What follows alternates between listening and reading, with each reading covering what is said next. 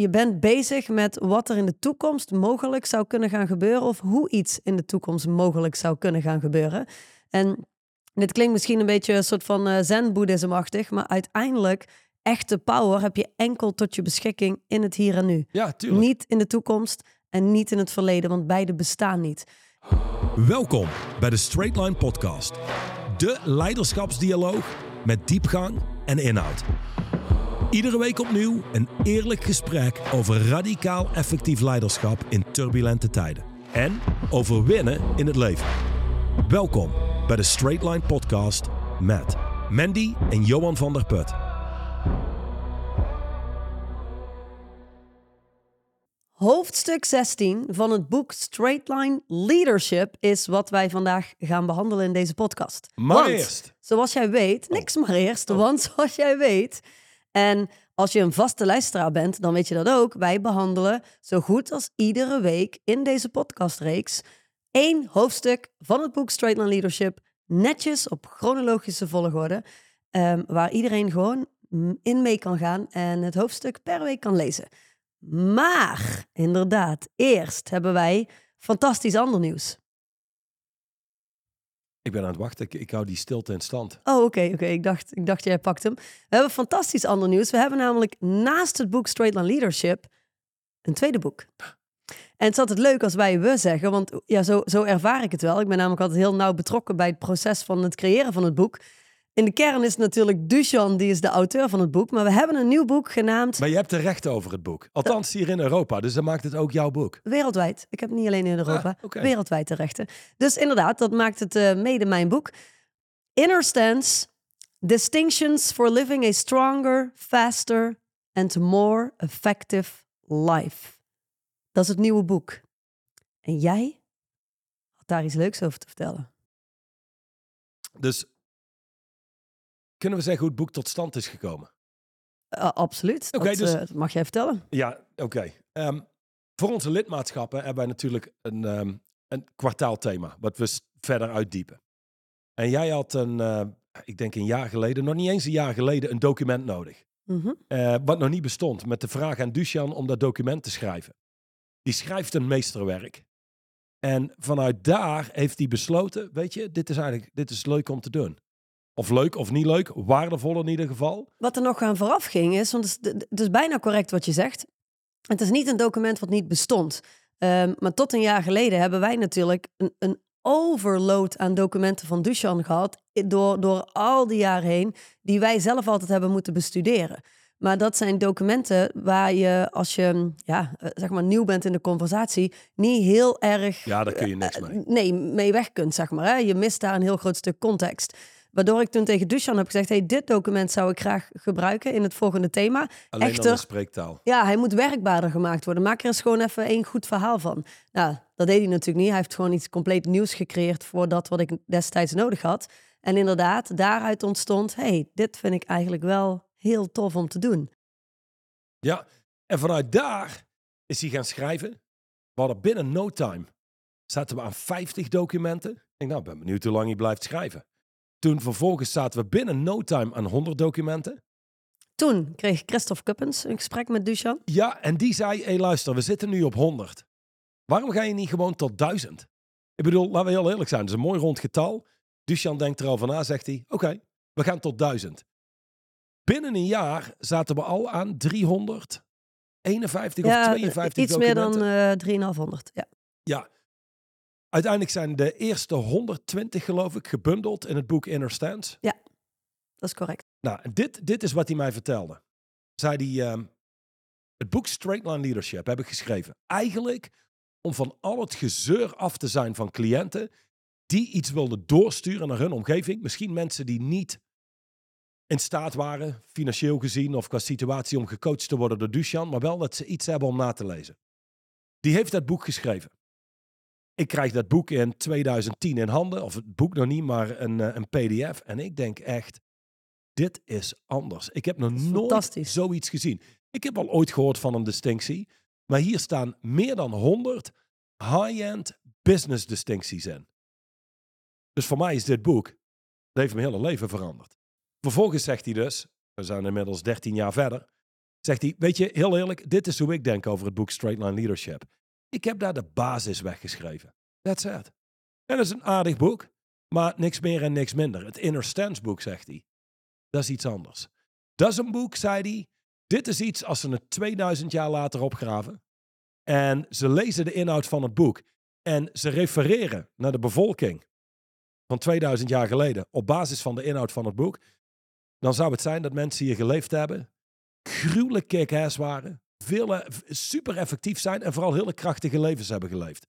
Dat staat wel ver af van hoe we als maatschappij vandaag de dag leven. Nu nog, meneer Van der Put, nu nog. Maar. Daarom zijn wij er. Wij zijn er en wij brengen deze boeken op de markt en wij brengen ons werk en wij hebben onze lidmaatschappen om te zorgen dat die maatschappij die zo ver afstaat van de inhoud van het nieuwe boek, genaamd Inner Stance, dichter of misschien wel helemaal richting de inhoud van het boek gaat bewegen, die maatschappij.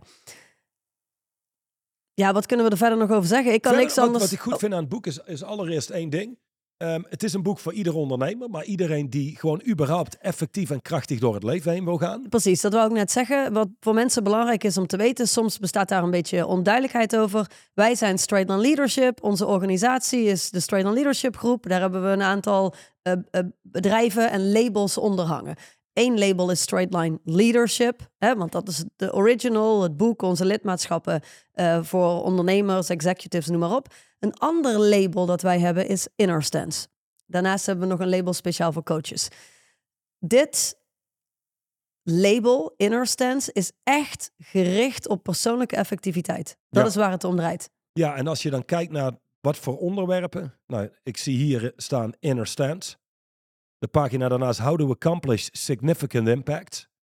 Ehm, maar er staat ook, er staat van alles in.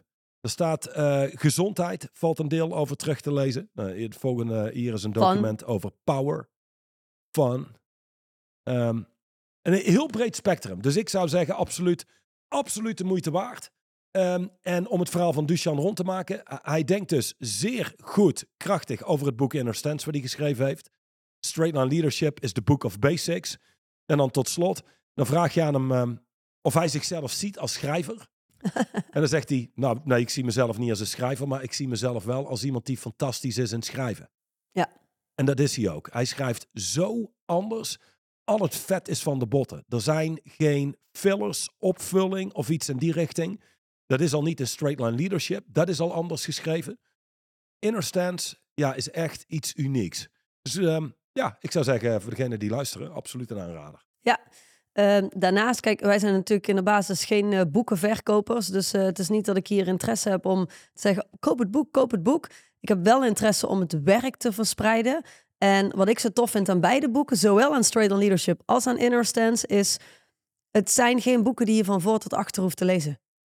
Nee, je Dat, daar pakt zijn het gewoon niet. Je pakt een hoofdstuk eruit of je kijkt de inhoudsopgave en je pakt een titel die je aanspreekt en je leest dat. En nou ja, goed, letterlijk, daar, daar kun je, als je dat gaat toepassen, want dat is het hele idee natuurlijk, als je de distinctie toepast, kun je weer een hele periode vooruit. Nou, ehm, zoals ik al zei, we hebben een Straight on Leadership podcast, die doen jij en ik samen. En zeer binnenkort komt er ook een Inner Stance podcast en wordt per week een hoofdstuk of een bulletin die gebundeld zijn in het Inner Stance boek uiteengezet. We gaan terug naar de orde van de dag. En de orde van de dag is nu op dit moment hoofdstuk 16 behandelen. Bezorgdheid versus betrokkenheid. Dat komt van de Engelse distinctie. Worry versus concern. Ja. Die is beter. Die, de, zeg maar, de Engelse taal leent zich in sommige distincties. Wat beter om wat meer contrast te creëren. Dus het is hier bezorgdheid versus betrokkenheid. Worry, zorgen maken. ehm, en concern. Twee verschillende werelden overigens. En voor ondernemers, voor, voor ieder mens, maar zeker ondernemers die in staat moeten zijn helder te kunnen denken, beslissend te kunnen zijn. Een belangrijk hoofdstuk. Ja, absoluut. In deze tijd waarin we leven zou iedereen zichzelf eh, als belangrijk genoeg moeten zien om eh, helder te moeten zijn en beslissend te zijn. Daar kunnen we dus al meteen misschien eh, op ingaan. Of wil je nog iets uiteenzetten? Maar anders ga ik er meteen op in. Ik zou zeggen, doe je ding. Dit is een, meteen een goed begin. Dus sommigen hebben de podcast geluisterd van ons eh, met Matthias de Smet. Ehm, wat ik interessant vind überhaupt aan de reacties is... tegenwoordig is er geen nuance. Ehm, als je kijkt naar de reacties, het is of iemand is helemaal voor of iemand is helemaal tegen. Eh, ik ben en niet voor en niet, en niet tegen. Eh, ik vind zijn boodschap en dat wat hij uiteenzet kraakhelder. En daar kun je iets mee doen. Of je kiest daar om daar niks mee te doen. Ja. Ehm, en, en je kunt er absoluut een mening over hebben, maar dat doet niks af aan dat wat hij deelt. Ehm, daar ging het over COVID en de maatregelen. Nou, ik ken een hele hoop mensen die zeer bezorgd waren in heel die tijd. Mhm. Wat wellicht logisch is in het begin toen het uitbrak. En je bedoelt bezorgd waren over het virus Over het virus Mhm. en blijf ik in leven en wat gaat er gebeuren en hoe ernstig is het en wat zijn de consequenties en hoe gaan we vanuit hier verder als maatschappij. Bezorgdheid in de kern is überhaupt iets passiefs. Het is, je bent je letterlijk zorgen aan het maken. Je Ja. hebt gesprekken met jezelf over een situatie die gaande is. Ja, ik denk dat het belangrijk is om te beseffen dat je maar één ding tegelijk kunt doen. Dus als je bezig bent met je zorgen maken, dan ben je je zorgen aan het maken. En dat betekent En dus dat ook is wat je aan het doen bent. exact dat er verder niks meer gebeurt. Ja, dus het is heel passief. Ja. Ehm, dus laat zeggen, als die cijfers uitkomen van, hé, hey, luister, hoe, is, hoe dodelijk is COVID? Bijvoorbeeld voor jou, een zeer aantrekkelijke jonge vrouw van 39.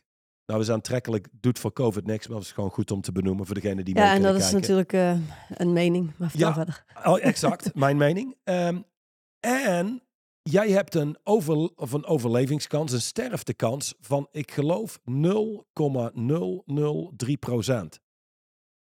Ik zou zeggen, dat is niks om je zorgen over te maken. Dat wil je sowieso niet doen. Ehm, betrokkenheid, concern, zou zijn, wat moeten we hiermee? Welke maatregelen moeten we treffen? Nou, wij treffen, eh, we, ik, de overheid treft allerlei maatregelen. Alles moet op slot, avondklok, noem maar op. In de kern zou ik zeggen, de beste maatregel was geweest, eh, leef je leven. Er is, er is niks aan de hand voor jou. Eh, je zou wat andere maatregelen kunnen treffen, maar dat is in de kern wat het is. Heel veel mensen die jong, fit en gezond waren, die, die, die geen enkele reden hadden tot bezorgdheid, ah, die hebben gewoon twee jaar lang zichzelf verzwakt door overal waar ze naartoe gaan zich zorgen te maken over is het veilig en is dit wel verstandig. En je hebt gezien wat dat gedaan heeft met mensen. Het verzwakt mensen. Absoluut. Ja, dus Ja. dat is al meteen een heel goed voorbeeld. Ehm, hetgene wat je als maatschappij, als mens wil doen, is persoonlijk verantwoordelijkheid nemen in de zin van, wat hebben we te doen hier? En als je voor jezelf de feiten helder hebt en je weet wat te doen, dan onderneem je onmiddellijk actie. In plaats van je gewoon zorgen te maken, wat het makkelijkst is om te doen. Exact. Want, en en dat is wat hier in het boek ook staat, hè, bezorgdheid is passief, maar betrokkenheid is actief. Maar ja, heel eerlijk, ieder mens is liever passief dan actief. Zeg maar, diep van binnen doen we liever niks en zijn we liever lui dan moe. Ehm, betrokkenheid is een meer volwassen benadering van het leven. Betrokkenheid betekent zowel waardigheid als creativiteit. Vanuit betrokkenheid kun je bijzonder effectief handelen. Waar, daarentegen, bezorgdheid verlammend werkt. Ja, Het remt je af, staat hier. Hoe helpt jouw bezorgdheid over geld je met je financiën bijvoorbeeld? waardigheid en creativiteit. Er zijn Mhm. twee belangrijke termen. Waardigheid doe je door vast te houden aan je eigen normen en waarden, daar niet van af te wijken. En duidelijke, zie het als een code of conduct te hebben. Mhm. Dus noem het een gedragscode waar je je aan houdt. Eh, ik vind sowieso als mens, als leider, heb je een gedragscode. En dat betekent in dit geval, je blijft voorwaarts bewegen. Je blijft creëren. Wat kunnen we doen hier? Ondanks alles wat er speelt, wat kunnen we wel? Dan behoud je een bepaalde waardigheid.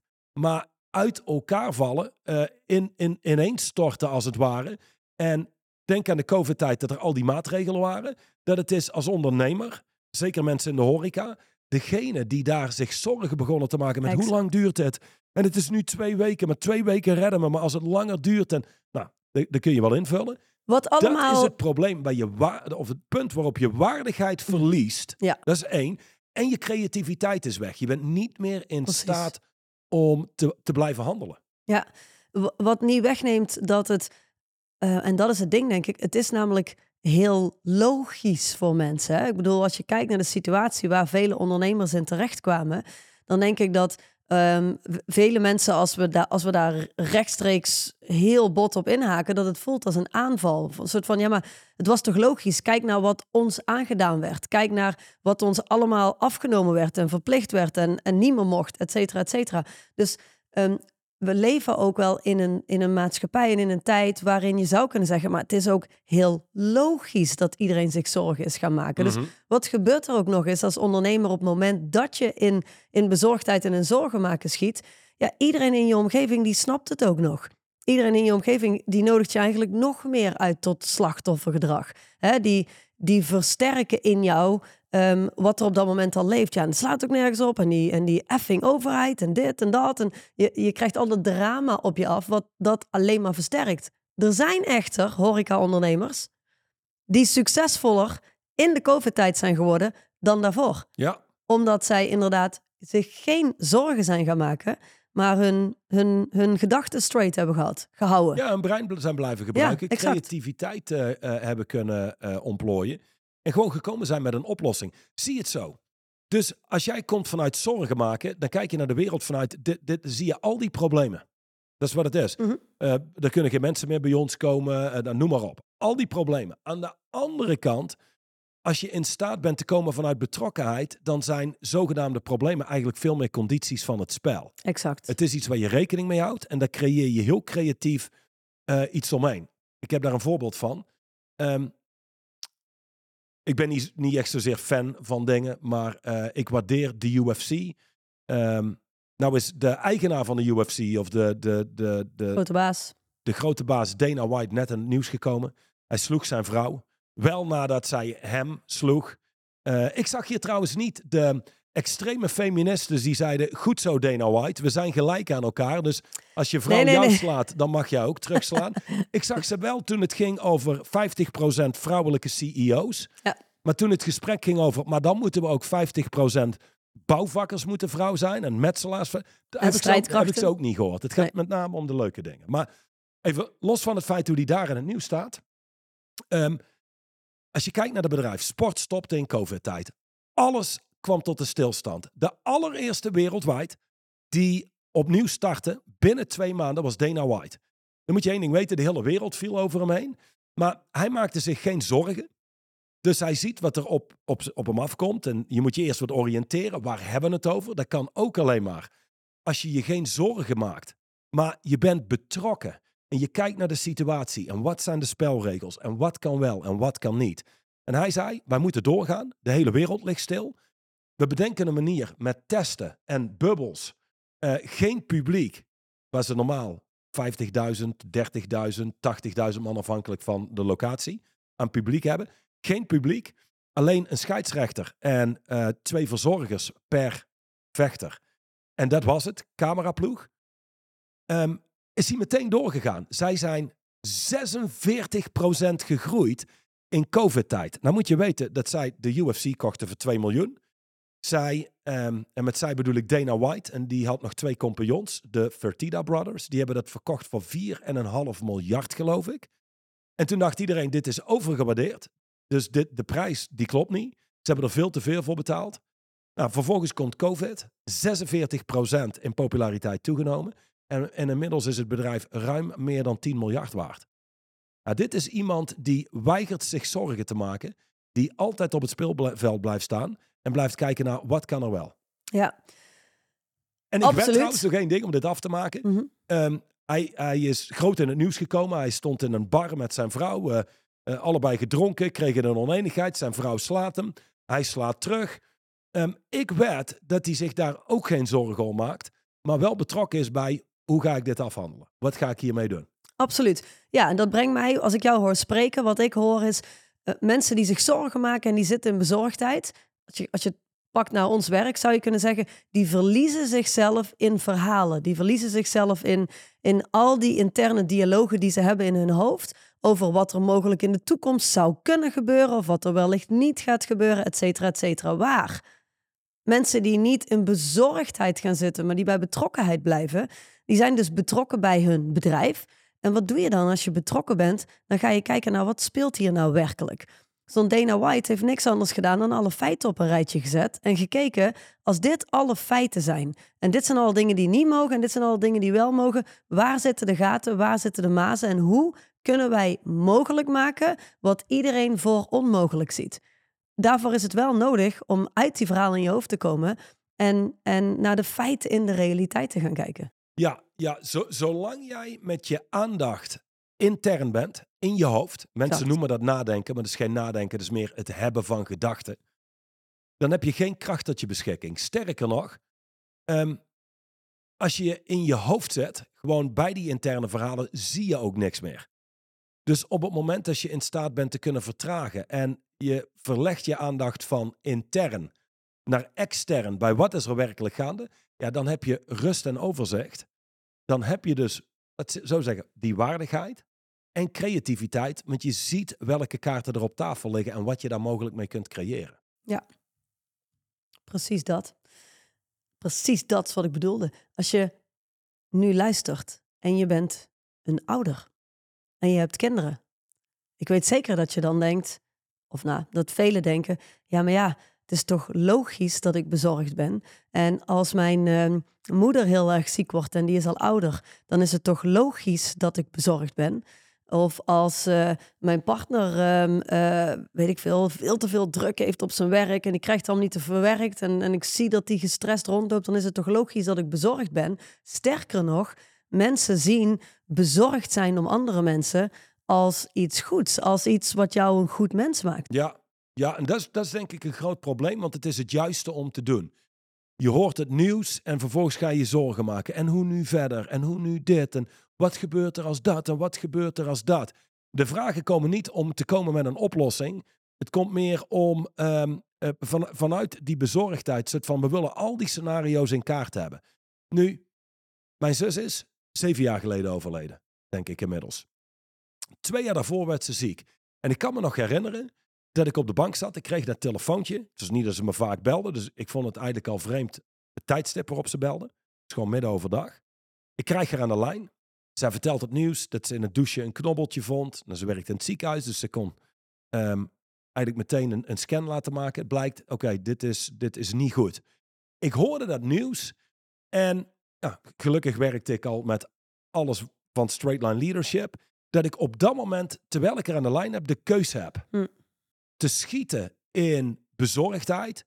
Soort van, oh my god. Je bent 36 jaar oud, was het toen. 37 misschien net. En, en nu, en vanuit hier. En, maar dat ik meteen koos voor betrokkenheid. Concern, actief. Wat kan ik doen? Wat kan ik hier betekenen?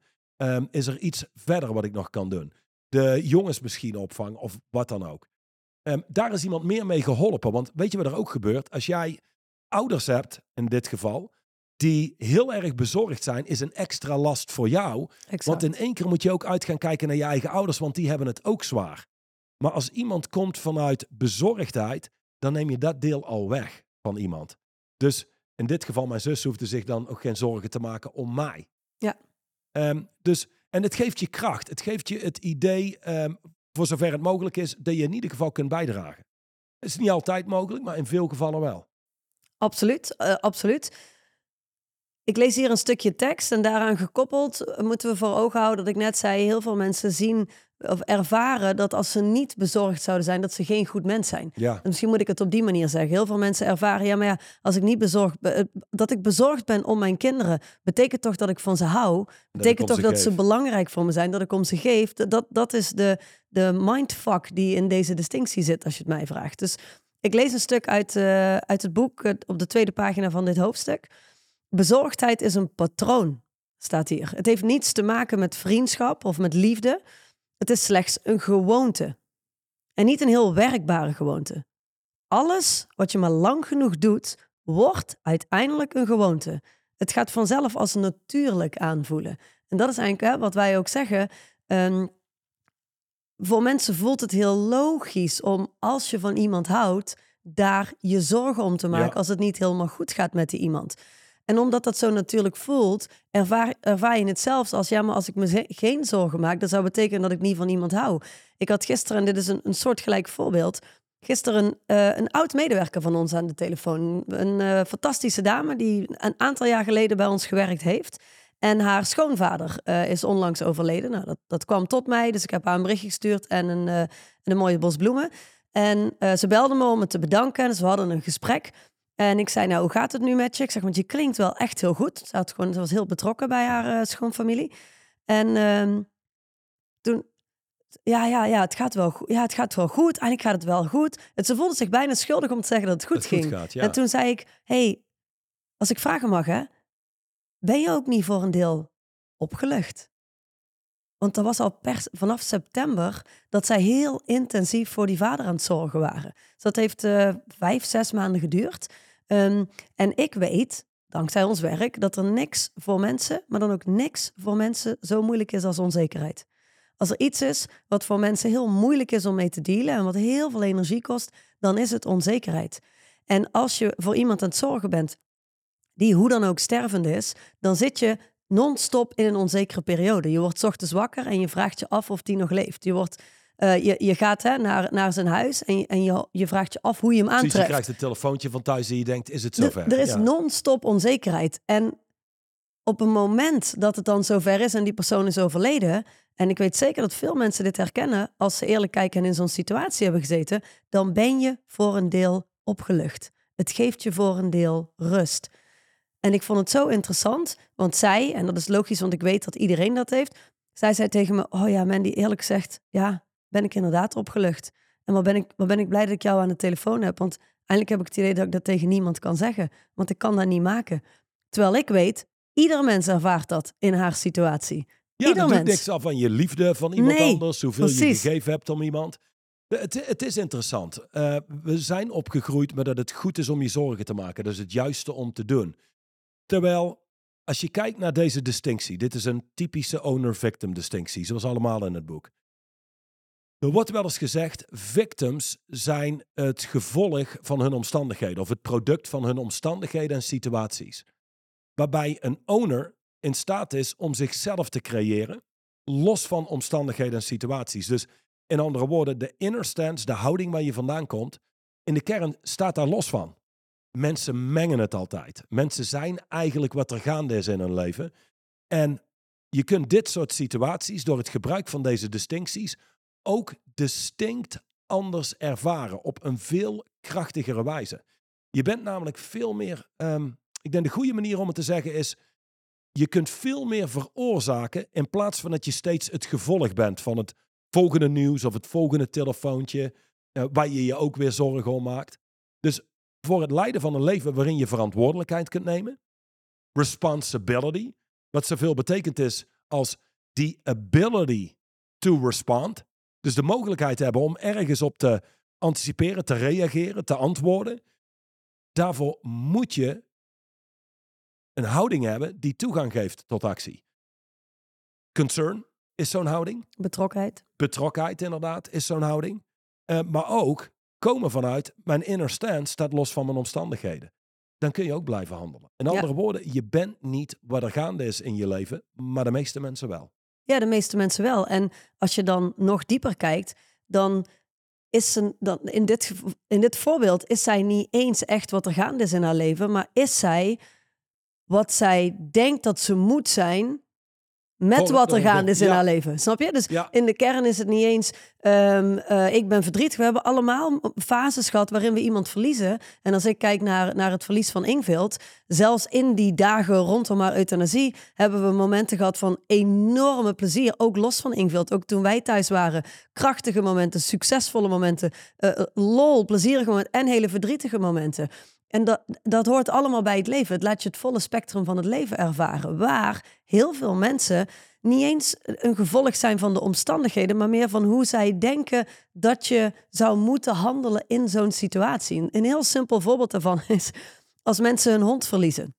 Ik weet dat het heel gek klinkt, maar als mensen hun hond verliezen en je hebt binnen twee weken alweer een, een puppy, een nieuwe hond, dan is dat een soort van, ja, maar ja, nee, dat kan ik toch niet maken alsof ik niet van mijn hond gehouden heb. Ja, als jullie gewoon ervan houden om een hond in je huishouden te hebben, wat, maakt de ene hond is dood, ja, die is oud geworden en, en dat was het. En er komt een nieuwe hond. Weet je, het leven gaat door. Alleen, mensen vinden dat ze dat niet kunnen maken.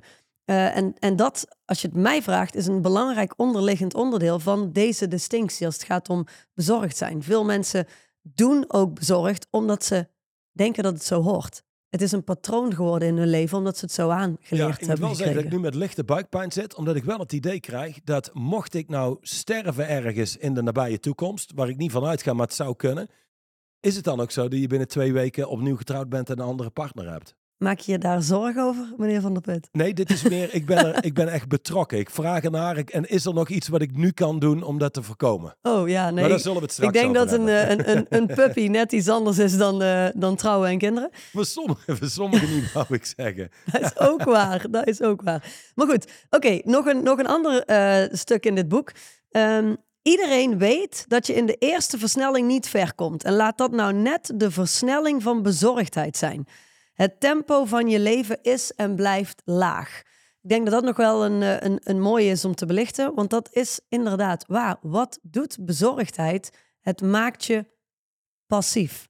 Ik weet zeker dat jij een goed voorbeeld hebt van een cliënt waar jij door de jaren heen m, eh, mee gewerkt hebt. Iemand die in je opkomt, Een die financiële stress had. Ah, zo. Die, nee, niet heel veel die financiële stress hebben. En toen COVID misschien- kwam binnen, binnen een aantal lidmaatschappen van ons natuurlijk wel. Mhm.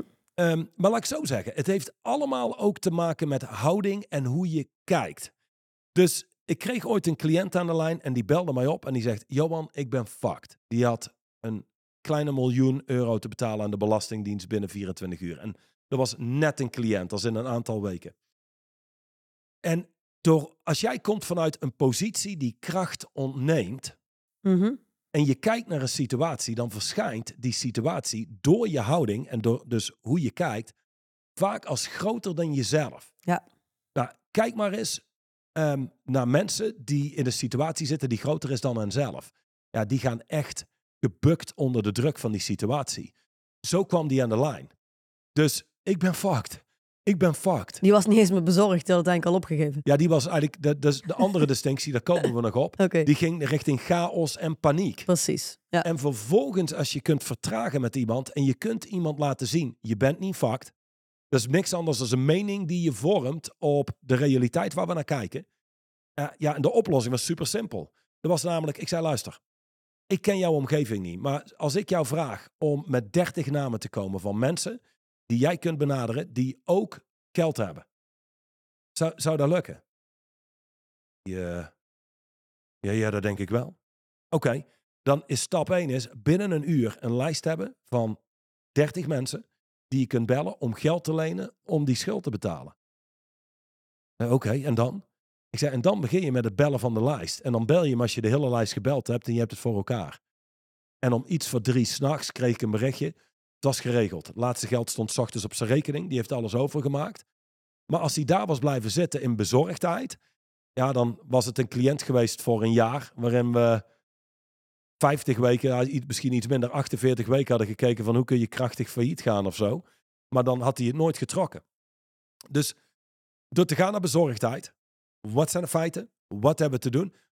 Kom je erachter, luister, je bent niet fucked. De oplossing is super simpel. Je hebt waarschijnlijk een telefoontje of 20, 30 te plegen. ja, dus door te Sommige gaan minder, van bezorgdheid naar betrokkenheid. Ja. Je zei, door te, ja, dus door te gaan van bezorgdheid naar betrokkenheid, zie je de feiten en kun je ook mogelijkheden gaan zien. Kun je En kansen precies, gaan zien. Maar ook dat, dat ehm, zorgen maken, daar zit vaak zoveel drama omheen. Mhm. Je gebruikt heel je mentale kracht om allerlei scenario's te schetsen die mogelijk kunnen gaan gebeuren. Exact. Maar dat komt ook omdat als je passief bent en je zit daar maar, heb je ook alle tijd om dat te doen.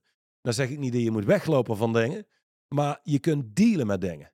En, en zorgen maken is niet dealen met dingen. Nee, Dat is, het, dat is een, een, namelijk niks anders dan het niet dealen met dingen. Dat is zorgen maken. Ja, absoluut. Dat is wel een, een laatste ehm, onderscheid wat we hier nog kunnen maken, wat jij nu zegt. Want iemand die zich zorgen maakt, die zit ook nooit in het hier en nu. Nooit.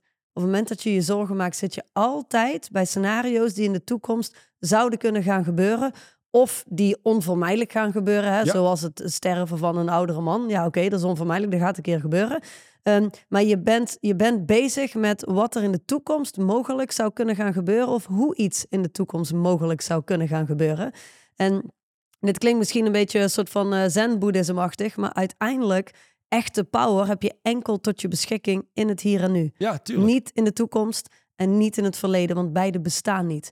En in het hier en nu shiften naar betrokkenheid, shiften naar voeten op de grond. Kom eens eventjes naar wat is er nu op dit moment werkelijk gaande? Wat zijn alle feiten? En welke creativiteit, welke kansen en mogelijkheden zie ik dan? En waar kan ik op acteren en Ja. handelen? Ja, en dan is het, ehm, in sommige gevallen is het, luister, dit gaat überhaupt niet goed aan, eh, aflopen. Dan ga je kijken naar hoe kunnen we de schade beperken. Hoe kan ik het krachtig niet goed af laten lopen? Ja, eh, een soort van, weet je, als jij ziet dat je een ongeluk gaat krijgen, kun je jezelf schrap zetten. Precies. Dat is uiteindelijk het idee. Ehm, ja, ja, in de kern ehm, denk ik dat we het meeste hebben aangeraakt eh, aan de oppervlakte als het hierop aankomt. Ehm, je wil natuurlijk eigenlijk, en, en één keer terug trouwens op wat je zegt, het hier en nu. En dit is waar ik naartoe wou. Je zegt ja, het verleden en de toekomst bestaan niet. Dan zijn er natuurlijk altijd wijsneuzen die meeluisteren en zeggen ja, doei.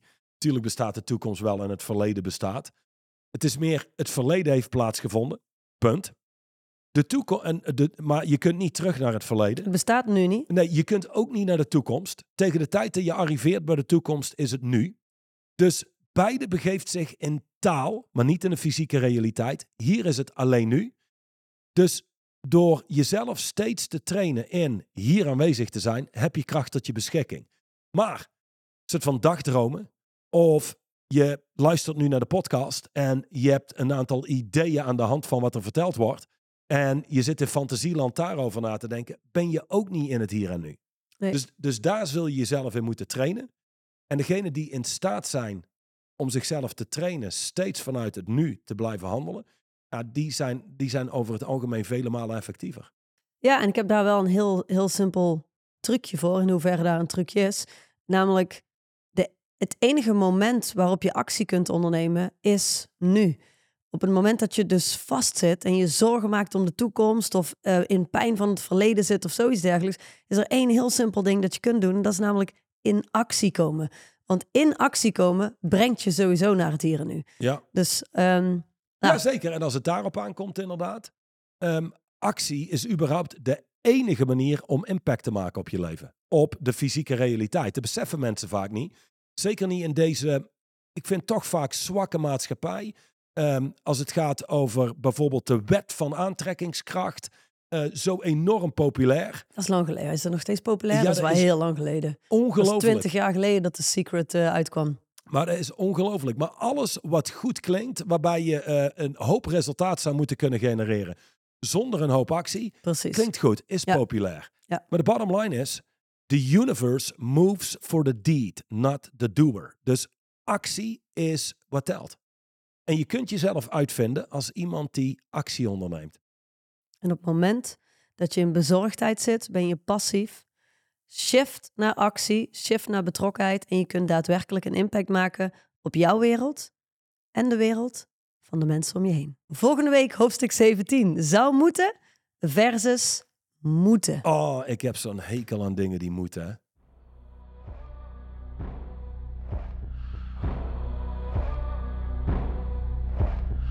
De overige podcast beluisteren of deze nog eens terugluisteren?